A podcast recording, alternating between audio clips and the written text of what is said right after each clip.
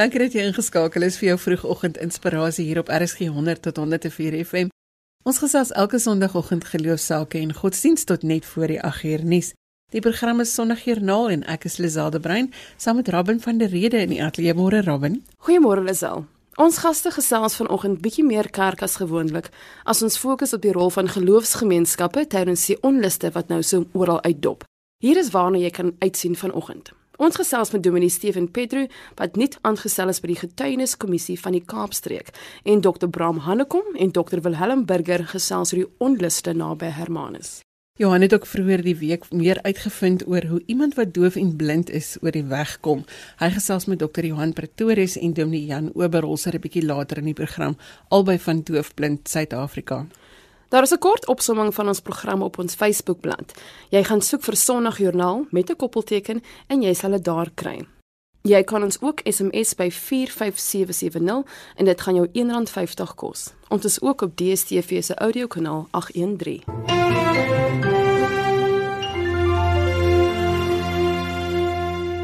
Demi Steven Pedro is 'n nuut aangestelde predikant in sinodale diens by die getuienisaksie van die NG Kerkfamilie in die Kaapstreek en ons gesels oor sy werk en die uitdagings van kerkwees in 2018. Goeiemôre Demi Pedro. Goeiemôre.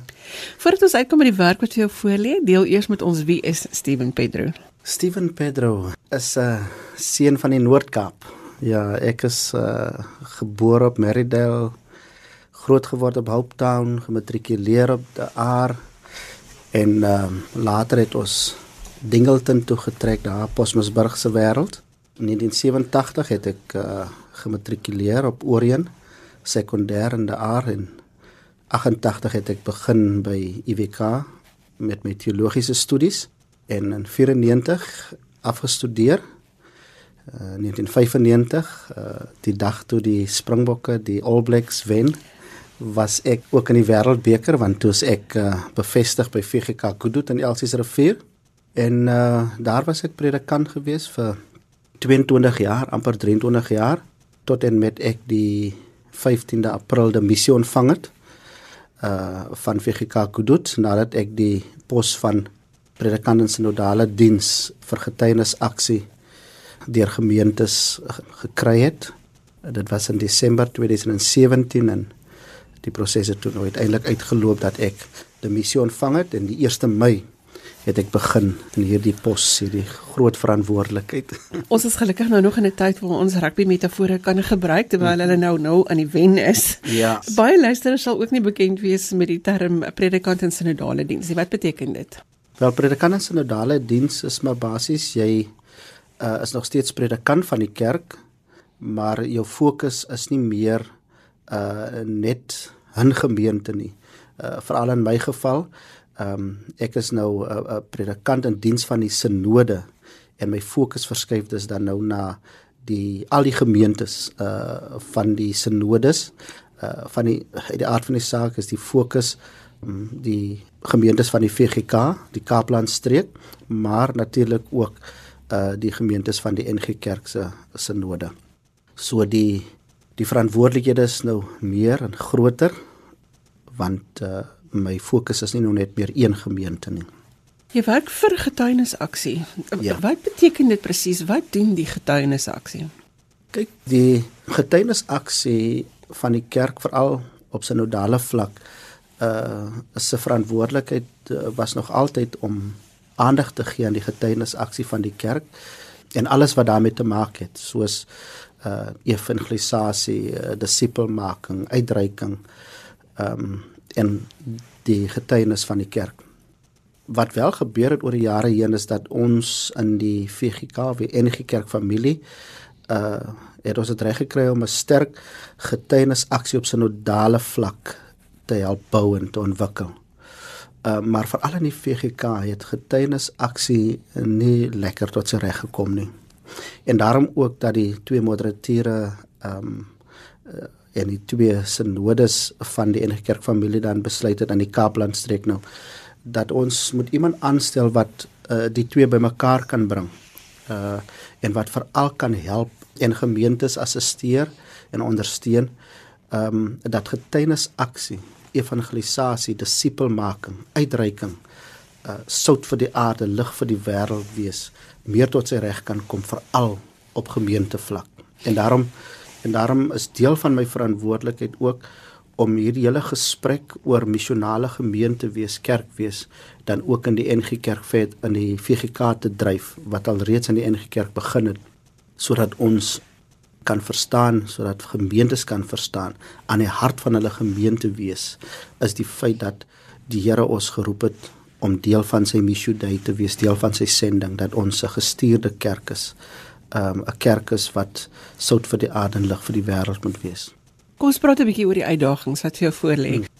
Die uitdagings is groot. Ehm um, uit die aard van die saak is die uitdagings op op globale skaal of op uh, nasionale skaal by ons bekend. Rasisme, ongelykheid, ehm um, uh grondkwessie, uh, ag noem maar op. Um, ons het groot uitdagings en uit die aard van die saak raak hierdie groot uitdagings uh die kerk ook en daarom kan ons nie kerk wees en getuie lewer in disippels maak en ons getuienis aksie tot sy reg laat kom sonder dat ons uh in voeling bly met die groter prentjie met die groter uitdagings nie.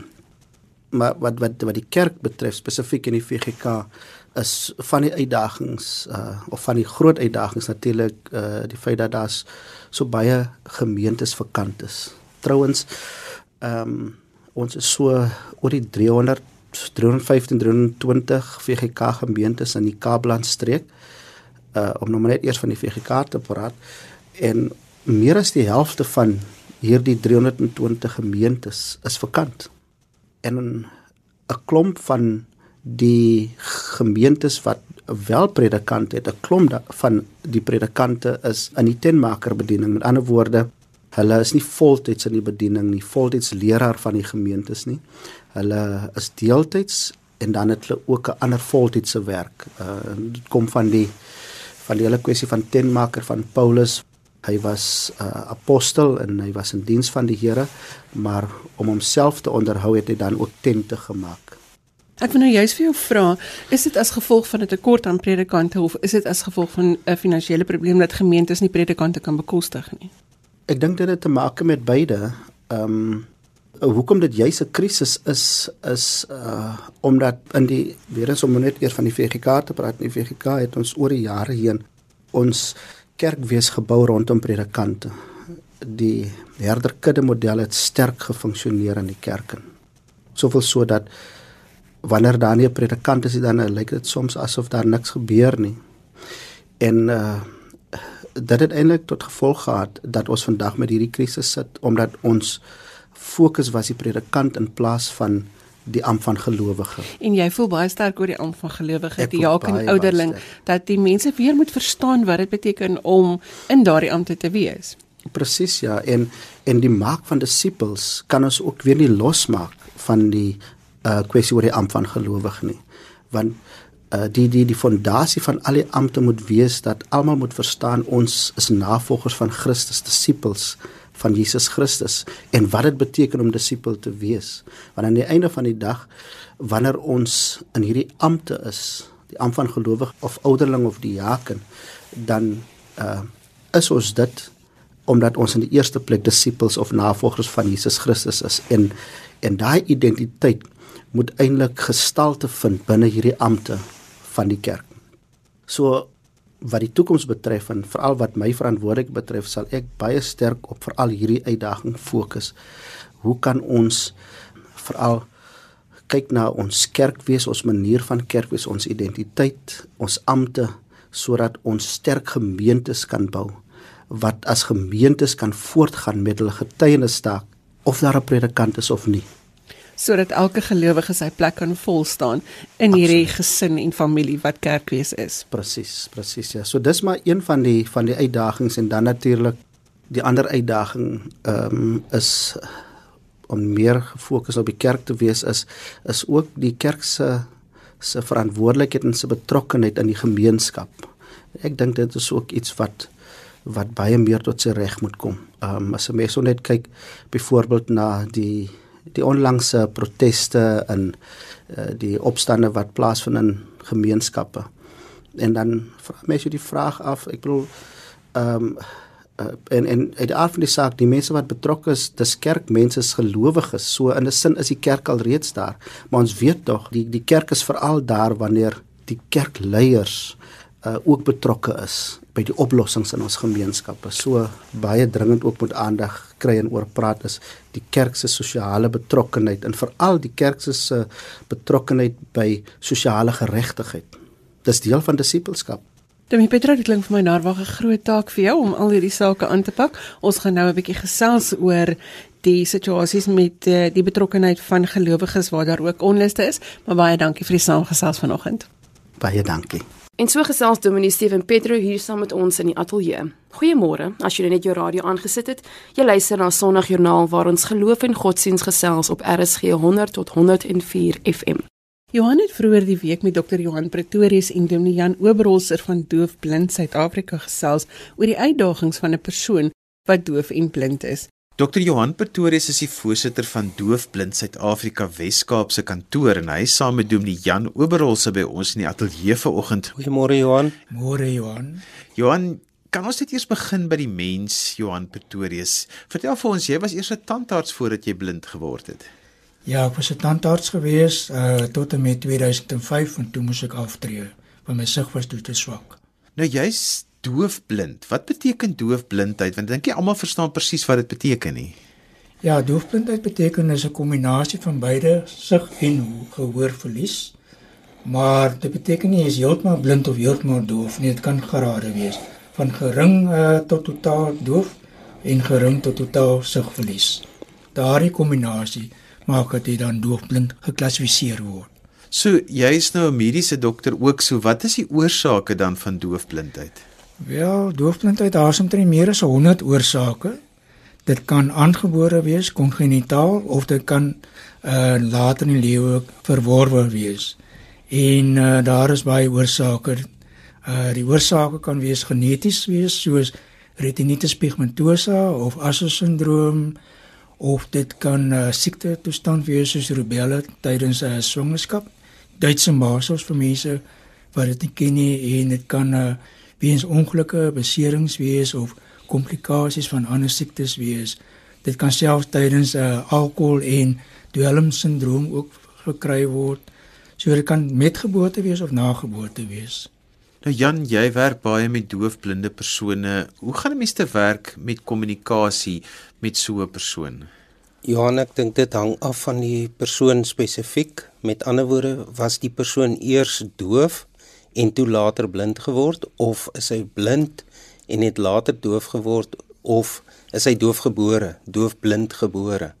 Met ander woorde, dit is of jy praat in die hand met die persoon of daar's 'n manier wat jy ook die alfabet in die hand kan spel of daar's 'n manier dat jy agterop die persoon op sy rug kan praat en dan is daar ook 'n manier waar jy die persoon se hande in jou hande vat En dan soos wat ek met Dr. Johan kommunikeer is hy het gehoorstukkies en ek kan met hom kommunikeer soos wat ek nou met jou gesels. So dit hang af van die persoon se eie manier van kommunikasie, maar ek dink dit is natuurlik die grootste behoefte van 'n doofblinde en dit is kommunikasie want ons hele lewe bestaan eintlik uit inligting. Ek bedoel as jy opstaan in die oggend en sit jy die radio aan Jy luister, wat is die weerberig? Wat is dit? Wat moet ek aantrek? Wanneer ek op pad is, dan luister ek die verkeersverslag ensovoorts. En daarvan is 'n doofblinde natuurlik totaal afgesny. En natuurlik ook wat 'n doofblinde betref, is sy ruimtelike beweging. Hy wil onafhanklik kan beweeg. Met ander woorde, jy sit byvoorbeeld 'n potplant daar waar dit vir jou baie mooi lyk, maar vir die doofblinde is dit vir hom 'n hindernis waaroor hy moet kom of verby moet kom en vir jou is dit 'n versiering. Johan, wat is die daaglikse uitdagings wat jy ervaar?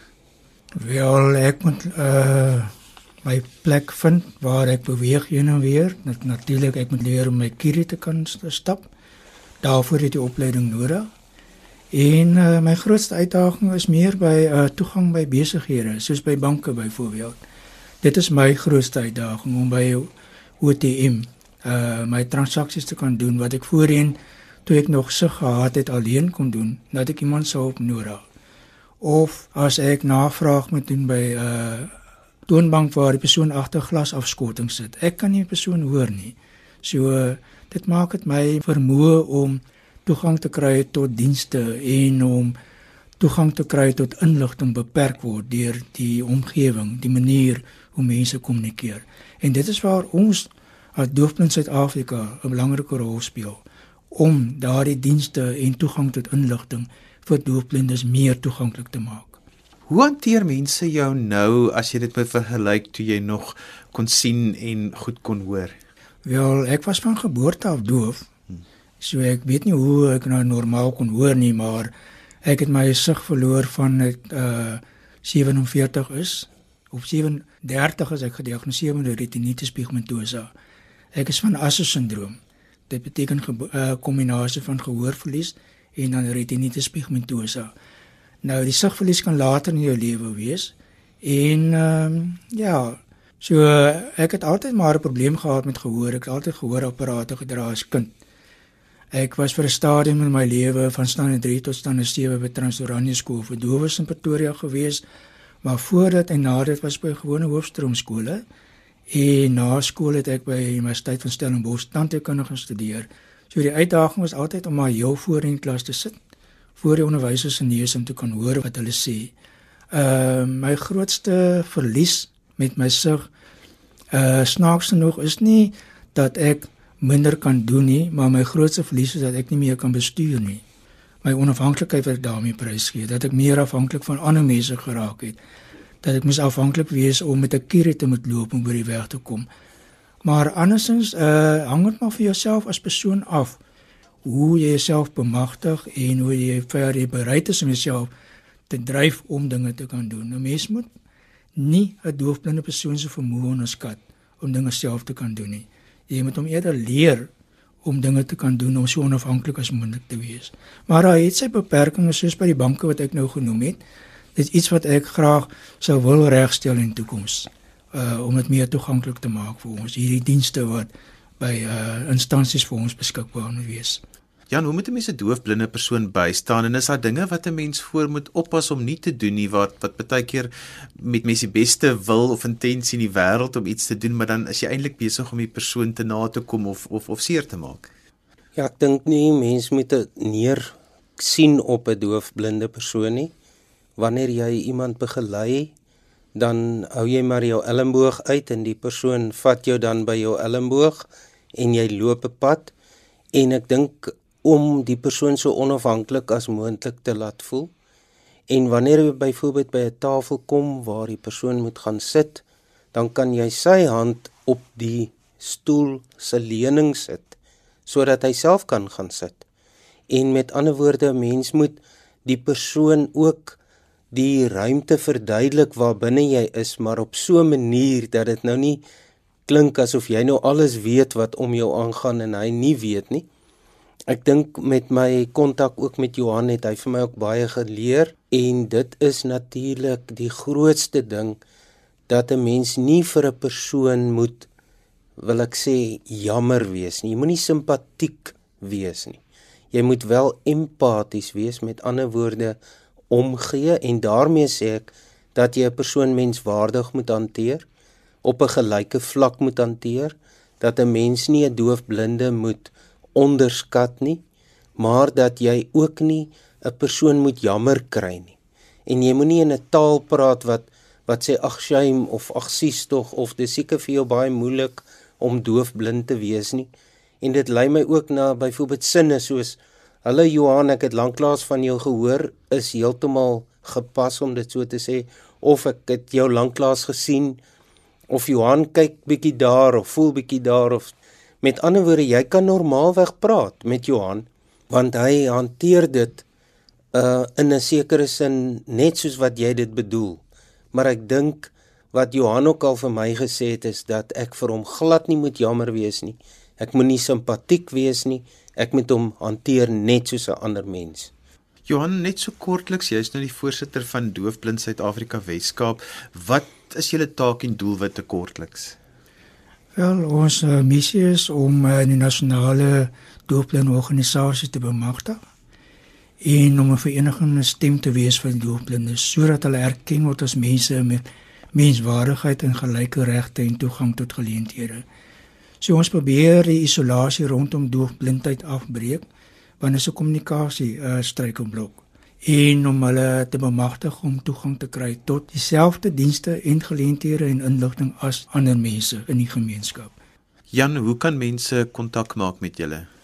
Ons het 'n webwerf Johan wat ons kan gee en die webwerf is www.deafblindsa.co.za of dan 'n e-posadres is info@deafblindsa.co.za. Jy luister na Sondagjoernaal vir die wat sopas by ons aangesluit het. Ons gesels met mense oor hulle leefwêreld en hoe hulle geloof 'n verskil maak. Jy kan saamgesels op ons SMS-lyn by 45770 teen R1.50 per SMS of gaan los vir ons 'n boodskap op Sondagjoernaal se Facebook bladsy. Jy sal sommer ook ons gaste se detail daar kan kry. Dr Wilhelm Burger is predikant by Onrusrivier se NG gemeente. Ons het gehoor van die onrus wat daar in daardie omgewing plaasvind en vandag wil ons hoor wat is die rol van kerkleiers en geloofsgemeenskappe om ook hierin 'n rol te speel om 'n oplossing te kry. Goeiemôre Dr Burger. Goeiemôre Lisel. Hoe lyk die situasie by julle op die oomblik? Op die oomblik is dit uh, gelukkig rustig. Na al die woelinge is daar nou oomblik uh, vrede en kalmte. Dit is 'n pragtige dag. So Hermanus is weer soos ons hom ken. Maar ja, dit is nou 'n geleentheid wat ons iets moet doen aan die situasie. Hoe lyk die geloofsgemeenskap van Onrus Rivier Hermanus Holsten? Watter rol speel die kerk daar? In elke gemeenskap is daar kerke en baie toegewyde gelowiges wat oor die jare heen ook gewys het dat hulle lief is vir die Here en en 'n verskil wil maak. Daar was ook al in die gemeenskap in die verlede samewerking, gesamentlike dienste, gesamentlike wandel in die dorp, getuienis dat ons wel saamwerk as ons ook 'n predikingskring wat gereeld bymekaar kom uit die verskillende gemeenskappe. So, ons het 'n basis van gelowiges wat ons glo 'n verskil kan maak op pad vorentoe. Wat is die rol van die kerk kerkleiers gelowiges in hierdie hele situasie om dit te ontlont? Ek dink dit is belangrik want wat ons agterkom is dat mense uh, as hulle onseker voel in hulle wêreld geskit word dan kom daar baie sterk emosies na vore. Vrees, uh woede, uh verbyte ensovoorts en en dan plaas mense op 'n pad van selfverdediging en en polariseer die gemeenskappe. Ek dink die kerk se rol is om nou kalm te bly en te sê goed, kom ons erken mekaar se emosies. Ons almal is onseker, ons almal is geskok maar kom ons kyk of ons nie kan daarby verbykom en sê wat kan ons in mekaar vind sodat ons hande kan vat om om, om 'n beter toekoms te skep. En ek dink die kerk eh, voel dit anders 'n roeping veral in hierdie tyd en mense kyk na die kerk om te vra uh hoe gaan julle ons begelei om uit hierdie konflik te Kan ek nou nou sommer vra watter rol het julle gespeel? Het julle hoe kry julle die gemeenskap bymekaar om hieroor te praat? Ons het uh, aanvanklik gedink om 'n uh, om 'n forum bymekaar te kry uit lede van die gemeenskap en ons het so 'n eerste ronde gedoen waar ons net so 'n paar mense uit die verskillende sektore genooi het, maar toe agtergekom dat daar sakemanne het 'n klomp forums wat hulle begin het die die wyks eh uh, komitees het forums. Ons het toe gedink dat ons liewer eers gaan fokus op die kerkleiers en hulle bymekaar kry en sê kom ons eh uh, gee gesamentlike getuienis en ons werk van vanuit predikerskring dan na die verskillende gemeenskappe. Ons het ook die verskillende forums gaan bywoon, die van die sakemanne, die van die bykskomitees uh om te sien uh 'n bietjie perspektief te bring hier en daar waar mense uh die, die boedel met hart gelding wil werk. Sien ons kan daar 'n invloed uitoefen. Ek dink die die rol van verhoudings speel waarskynlik nou ook 'n belangrike rol hier om dinge te ontlont. Beslis, ek meen as jy nie uh, vertroue gehad het nie, dan gaan jy baie moeilik nou vinnig vertroue bou. Uh gelukkig het ons uh, die predikers in die dorp kom 'n lank pad met mekaar saam en ons het al baie mooi dinge saam belewe. Ons het nou weer 'n byeenkoms waar ons almal nooi, al die predikers en gemeenteleiers en gemeenskapsleiers om te kom uh en, en te kyk of ons vanuit kerke se getuienis ook 'n uh, stem kan laat hoor om mense te kalmeer en kom ons fokus op ons gesamentlike droom vir die dorp uh kom ons werk met met begrip uh en met deernis vir mekaar. Waar lê die wortel van die kwaad? Hoekom is hierdie mense so ongelukkig? Ek dink Hermanus lê tussen die berg en die see uh, en is 'n idilliese mooi plek, maar maar hier is net soveel grond omdat ons in die strookie lê tussen die berg en die see. Die verskillende gemeenskappe, jy het jou Woestyn gemeenskap wat al jare daar woon, jou Mount Pleasant gemeenskap uh, wat ook al van van baie jare hier is. Dan het jy mense wat ingekom het met die tyd uit die Oos-Kaap en ook hier kom woon en werk. Dan jou gemeenskappe wat ook nou in die meer welvarende gedeelte bly. En almal soek net 'n blyplek, 'n werk en en 'n plek waar hulle kinders kan grootmaak. En tans is daar nie vir almal uh, genoegsaam verblyf en geleenthede nie. En dan begin die toutrekker en sê maar ons was eers en of dit wat ons nodig het, kom ons julle inkommers en dis net gesprek en begrip vir mekaar wat dit kan ontlont. Dink jy menswaardigheid speel 'n rol? Absoluut. Uh, ek weet daar's mense wat al jare in 'n agterplaas woon in 'n klein hokkie waar hulle kinders moet grootmaak, waar hulle uh saam moet woon in in baie moeilike omstandighede en ek dink die mense is nie onredelik nie. Hulle vra net gee ons net 'n plekjie ek sê my eie huis bou as dit moet, maar dat ek net 'n ruimte kan hê waar ek my eie familie 'n bietjie privaat kan hê dienslike uh, plekjie om in, te skuil.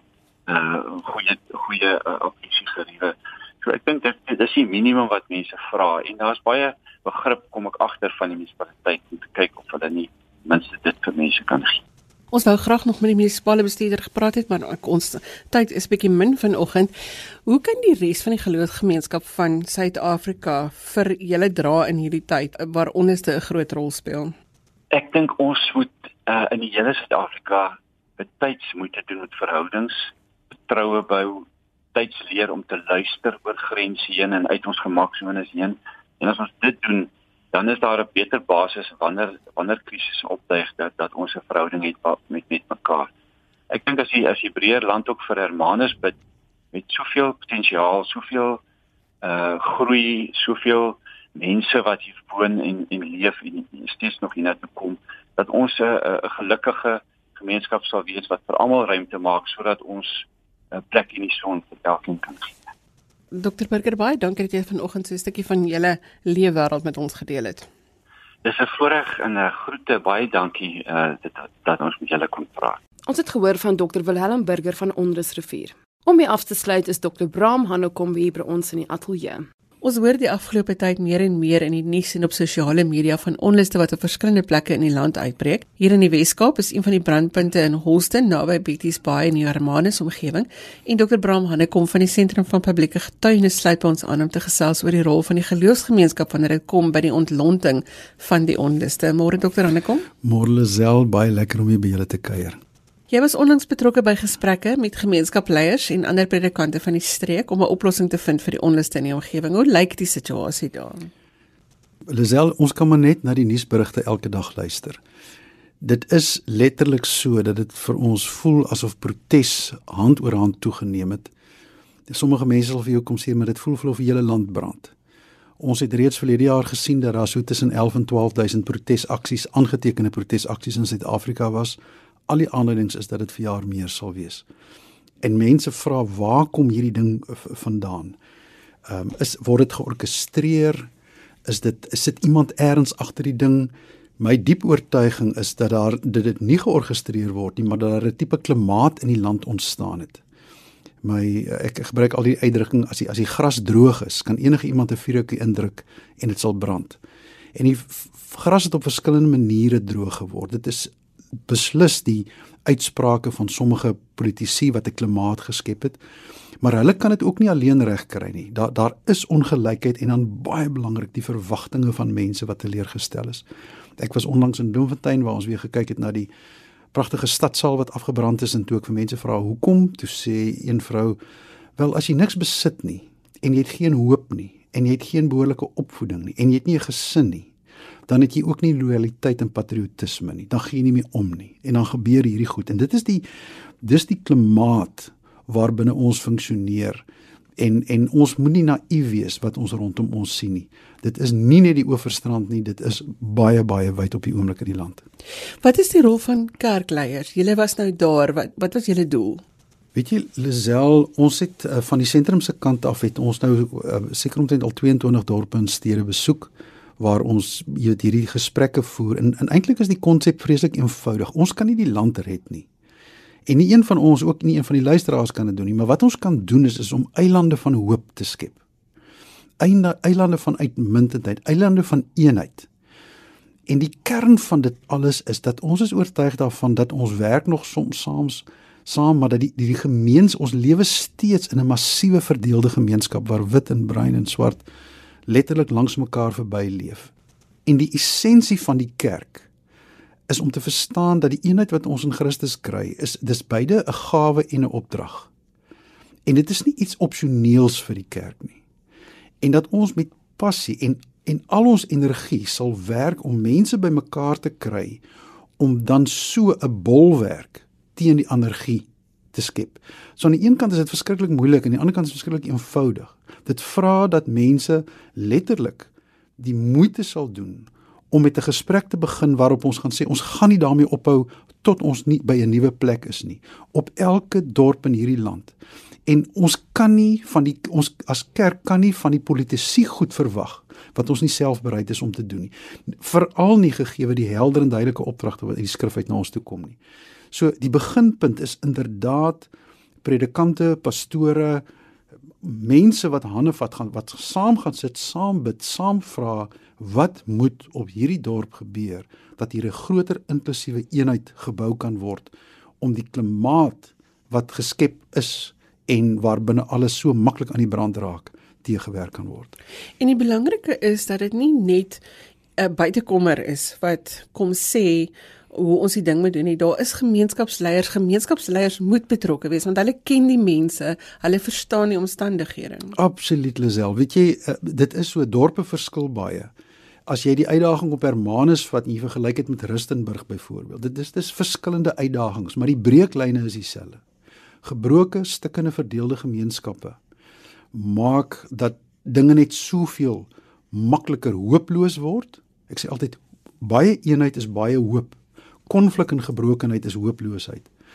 Uh so die kontekste gaan verskil en mense vra altyd maar hoe kry ek al die leiers bymekaar? Ek sê dit is nie altyd die heel belangrikste leiers wat jy bymekaar moet kry nie. Jy moet jy moet mense uit die gemeenskappe vir bymekaar kry.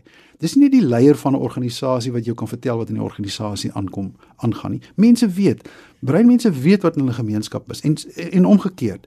So kry verteenwoordigende mense. Jy begin by die geloofsgemeenskap, maar die ideaal is dat jy dit dan uitbrei na 'n multisektorale gesprek waar sakelei en boere en nywerhaars en NGOs en verskillende mense bymekaar kom en saam praat oor die toekoms van die dorp. Ek ek sien net nie 'n ander alternatief vir waar ons is op die oomblik nie. Bram, laaste vraag oor hierdie saak net voordat ons 'n bietjie gaan gesels oor Vadersdag.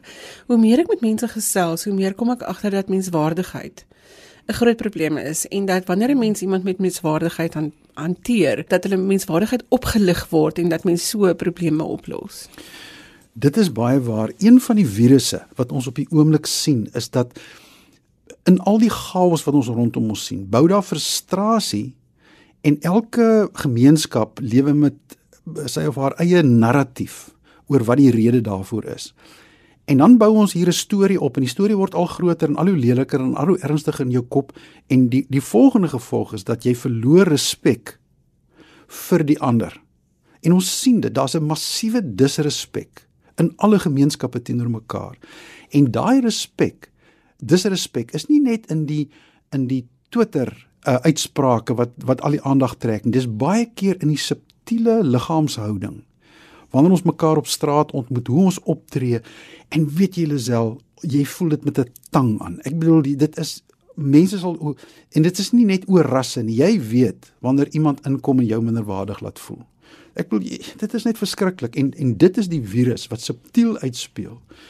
So as 'n mens weer as kerk 'n alternatief daarvoor kan skep waar mense die gevoel kry, weet jy wat? Ons ons respekteer mekaar, ons ons waardeer mekaar en ons verstaan ons het mekaar nodig. As die kerk daai alternatief kan skep, kan daar weer hoop vir die land gebou gebou word. Ek het min twyfel as ons dit nie gaan doen nie. Wil ek weer sê, die kerk kan nie van politici goed verwag wat ons self nie bereid is om te doen nie. Bram, as ons na die gesprek heeltemal in 'n ander rigting kan stuur. Dit is vandag Vadersdag. Ons vier die rol van paas in ons lewe. Kan ons afsluit met 'n gedagte oor God die Vader? Ja, weet jy, kan ek net oor Vadersdag sê, ons praat oor hoop en ons praat oor hoop in die land. Al die berigte sê vir ons dat as vaders hulle rol sal speel in hierdie land meer as wat hulle behoort te doen, sal dit net beter lyk in alle opsigte. En ek het so 'n mooi aanhaling gelees van van Jim Valvano wat gesê het die grootste geskenk wat sy pa aan hom gegee het was die feit dat hy geweet het sy pa glo in hom. En en ook daai respek wat hy van sy pa en dis jy weet en ek dink so terug aan 'n aan 'n insident waar ek geluister het een aand by 'n gesprek na na, na Artsbiskop Desmond Tutu waar hy vertel het van 'n iemand wat vir 'n priester gesê het I, I don't believe in God to see die priester vir jou but that's that's okay. Um God still believes in you. En God die Vader is die een wat in ons glo en wat vir ons lief is en by wie ons die wysheid kan gaan kry en en mense vra baie keer nou God die Vader is nie God die moeder nie. Die die Vader, die Vader metafoor is is nie 'n geslagsding nie, dit gaan oor geborgenheid.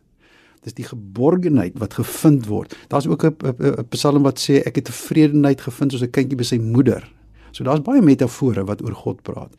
Maar maar die Vader wat geborgenheid skep en dit is wat God vir ons wil leer. En as ek en jy praat oor die land wat lyk of dit wil afbrand, dan praat ons altyd binne die dampkring van God se geborgenheid met die oproep dat ons sal uitgaan as vaders. Nou praat ek reguit met die mans op hierdie dag.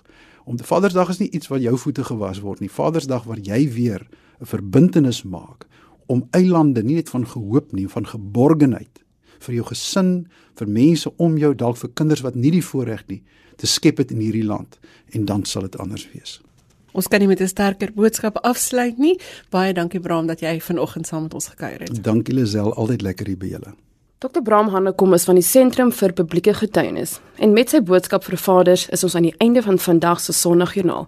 Ek wil dan sommer ook van die geleentheid gebruik maak om aan my pa te sê gelukkige Vadersdag.